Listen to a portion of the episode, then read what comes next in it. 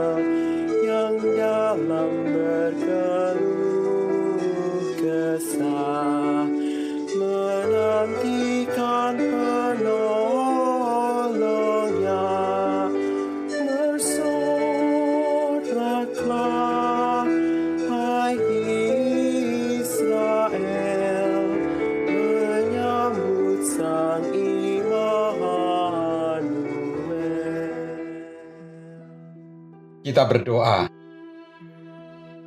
Ya Allah, dalam minggu Advent ini, kami rindu untuk terus bersekutu dan merenungkan sabdamu. Biarlah penyertaan Tuhan terus menuntun dalam pergumulan dan masa penantian kami. Dalam namamu yang kudus kami memohon. Amin. Bacaan Alkitab kita dari Injil Matius pasal 7 ayat 21 diteruskan ayat 24 sampai 27. Demikian. Bukan setiap orang yang berseru kepadaku, Tuhan, Tuhan, akan masuk ke dalam kerajaan surga. Melainkan dia yang melakukan kehendak Bapakku yang di surga. Setiap orang yang mendengar perkataanku ini dan melakukannya, ia sama dengan orang yang bijaksana, yang mendirikan rumahnya di atas batu. Kemudian turunlah hujan dan datanglah banjir, lalu angin melanda rumah itu. Tetapi rumah itu tidak rubuh, sebab didirikan di atas batu.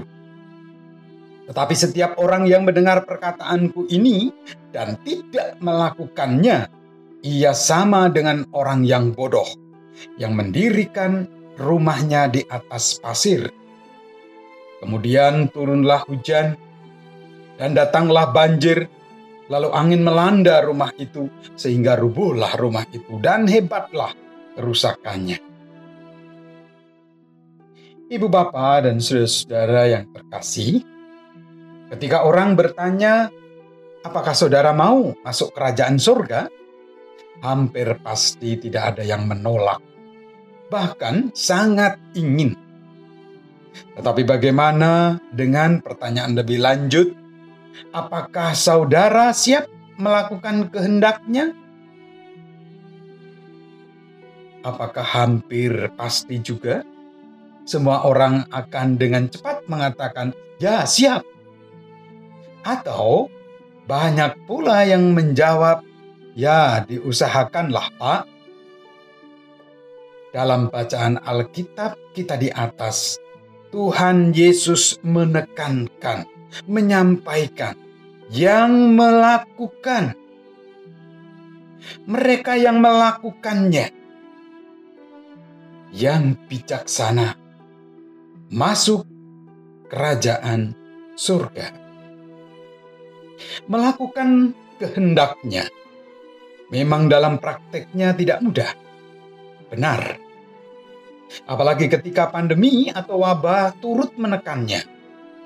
Ini contohnya warna kisah ketika wabah. Pertama, Benta bukan nama sebenarnya. Seorang siswa kelas 11 di suatu sekolah swasta Ia setiap pelajaran sekolah secara daring atau online semasa pandemi ini sangat sering tidak ikut pelajaran. Kadang-kadang kalau hadir sudah sangat siang bahkan hampir selesai pengajaran sekolah. Ketika sang guru bertanya, "Kenapa kamu sering tidak hadir dalam pelajaran benta?" Jawabnya dengan tanpa merasa bersalah, "Habis tidur siang enak sih, Bu." Bapak, Ibu, dan Saudara mungkin akan bertanya, apa tidak akan kehilangan atau ketinggalan pelajaran atau pengetahuan dia? Bagaimana nilai sekolahnya nanti? Apakah orang tua anak itu tidak melakukan sesuatu untuk membantu, untuk menolongnya? Ketika anak dan orang tuanya tidak melakukan yang semestinya dilakukan, apa tidak rugi sendiri dan kecewa nantinya. Dan mungkin masih banyak pertanyaan-pertanyaan seterusnya. Ketidaksejahteraan dan ketidakbaikan itu bukan saja menimpannya, malahan sangat bisa merambat, mengembang ke mana-mana. Bukan hanya anak itu atau orang tuanya, yang lain bisa hadir dalam kekecewaannya. Sang guru misalnya. Yang kedua, Bapak Ibu sekalian. Seorang bapak atau ya bisa dikatakan kakek sudah berusia sekitar 80 tahun lebih. Kerinduannya untuk bersekutu dalam situasi pandemi, semangat dan kesungguhannya untuk beribadah bersama jemaat yang lainnya secara langsung di tempat ibadah, agar bisa bersilaturahmi, berbagi rasa, berbagi pengalaman, sungguh begitu kuat.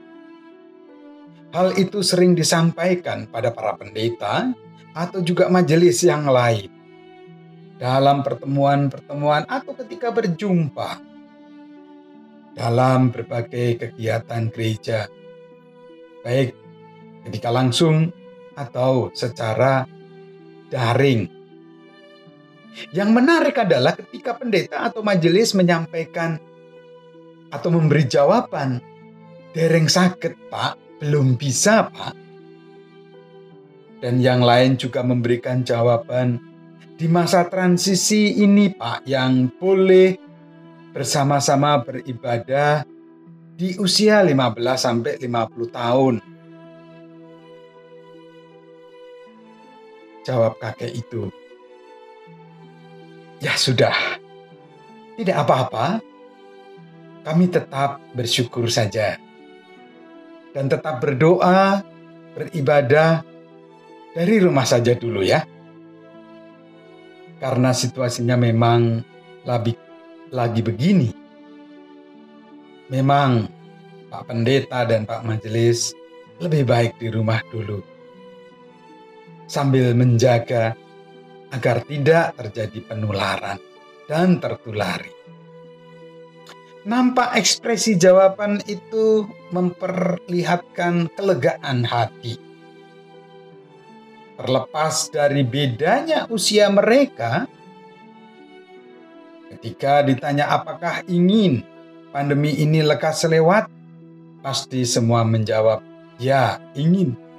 Tetapi dua kisah di atas memperlihatkan kisah yang berlawanan, yaitu manusia yang tidak melakukan dan yang melakukan sesuatu di tengah-tengah pandemi yang sama-sama sedang dihadapi, dialami. Teruslah kita melakukan sekecil apa pun yang bisa kita lakukan. Dan biarlah itu kita lakukan dengan sukacita sebagai ungkapan syukur sebagai yang berpengharapan dalam penantian melewati pandemi.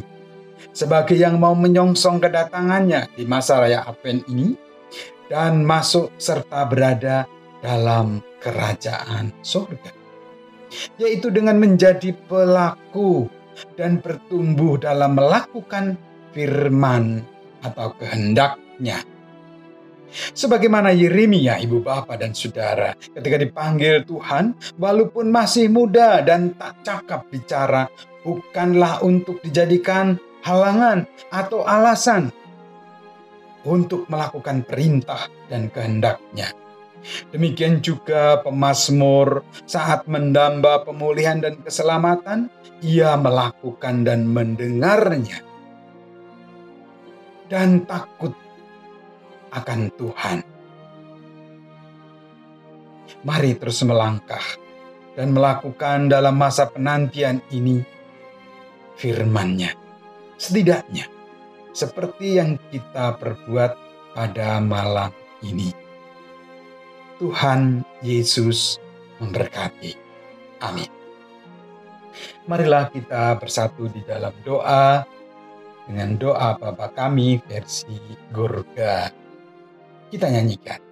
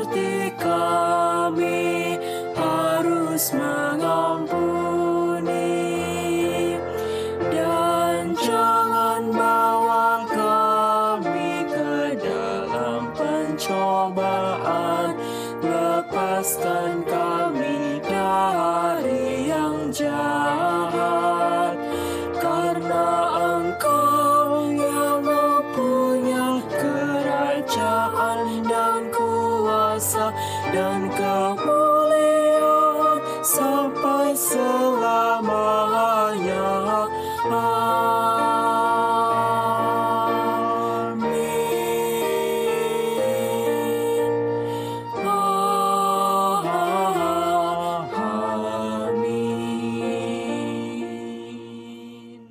bersatu di dalam menyatakan syafaat kita. Ya Allah, sering kami berpikir bahwa Engkau menuntut kami harus melakukan perkara besar. Pikiran yang demikian yang justru membebani diri kami sendiri, lalu tidak terdorong dan mulai melakukan. Demikian juga ya Tuhan, kami sering mengumpulkan banyak alasan untuk tidak melakukan yang Tuhan kehendaki dan Tuhan perintahkan. Kami sering menjadikan Engkau pemenuh harapan dan keinginan saja, bukan sebagai yang memberi kepercayaan untuk berbuat, untuk melakukan. Betapa bodoh dan tidak bijaknya kami, ya Allah, membangun tidak di atas batu yang kuat. Ampunilah kami, Tuhan. Tolonglah kami, ya Yesus. Dalam pengasihanmu kami mohon. Terima kasih untuk berkat firman-Mu yang menolong dan menyadarkan kami sebagai anak-anak-Mu untuk menjadi pendengar dan pelaku perintah serta kehendak-Mu. Terlebih di masa raya Advent dan dalam situasi pandemi ini. Biarlah kami tidak hanya diam menanti, akan tetapi melakukan sekecil apa pun menyatakan kasih Tuhan. Peduli dan berbagi pada sesama kami yang sungguh membutuhkan dukungan dan pertolongan Tuhan melalui kami sebagai kawan sekerjamu. Baik menyangkut masalah kesehatan berhubung dengan COVID-19 maupun dampak-dampaknya serta masalah-masalah yang lain. Mampukanlah kami gerejamu menyatakan itu sebagai pelaku firman Tuhan. Biarlah hal itu menjadi kabar sukacita bagi mereka. Berkatilah kami dalam upaya melakukan pelayanan peribadatan yang membangun dan memelihara iman percaya kami. Berkati panitia masa raya Advent dan Natal tahun ini. Juga majelis yang akan menyelenggarakan rapat majelis terbuka atau sidang istimewa. Biarlah melalui semua itu kami terus menjadi saluran berkat Tuhan bagi sesama kami. Kiranya Tuhan juga terus menopang langkah kami menyatakan karya Tuhan. Sambil menyongsong lewatnya pandemi dan menyambut kedatangan Tuhan. Kepadamu ya Allah, kami juga berdoa bagi pemerintah di negeri ini. Berkatilah upaya bersama menangani masalah COVID-19 berikut dampaknya. Ekonomi, pendidikan, sosial, politik, dan juga budaya, bahkan masalah-masalah lain. Berikanlah kesadaran yang tinggi pada masyarakat akan bahayanya virus ini, agar mereka senantiasa waspada dan terus patuh serta menjaga protokol kesehatan. Berkatilah lembaga-lembaga pemerintah, kelompok-kelompok kerja, komite gugus tugas, serta para relawan kesehatan COVID-19. Karuniakanlah kesabaran, kesukacitaan, dan ketekunan di dalam menanggung jawabi tugas yang mereka emban. Pekerjaan yang berkenan mereka lakukan. Berkati juga rumah sakit dalam melakukan perawatan berikut para tenaga medis dan para relawan kesehatan. Berkatilah kami pemerintah dan aparat bersama masyarakat dalam membangun toleransi serta hidup bergotong royong. Demikian juga dalam menyikapi dan menangani masalah intoleran serta tindak kekerasan di negeri ini khususnya mengenai tragedi kemanusiaan di Sigi, Sulawesi Tengah. Inilah ya Allah, seru doa syukur dan syafaat kami. Dalam pengasihanmu, kami mohon.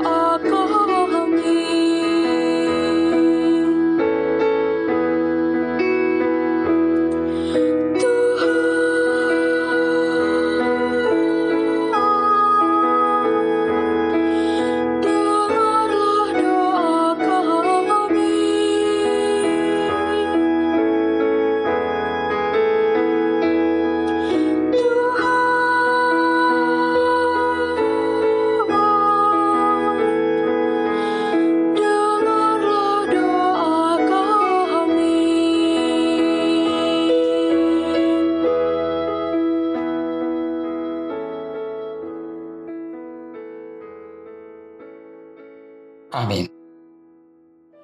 Oh Tuhan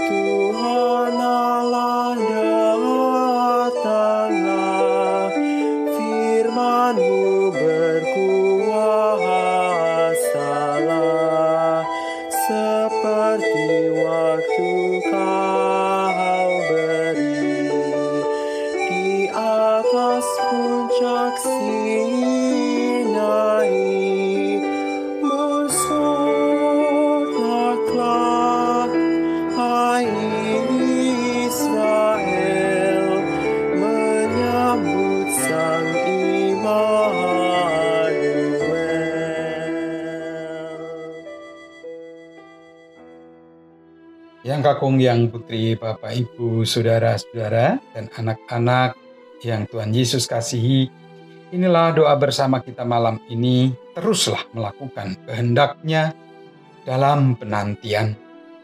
Selamat malam, selamat beristirahat. Tuhan Yesus memberkati.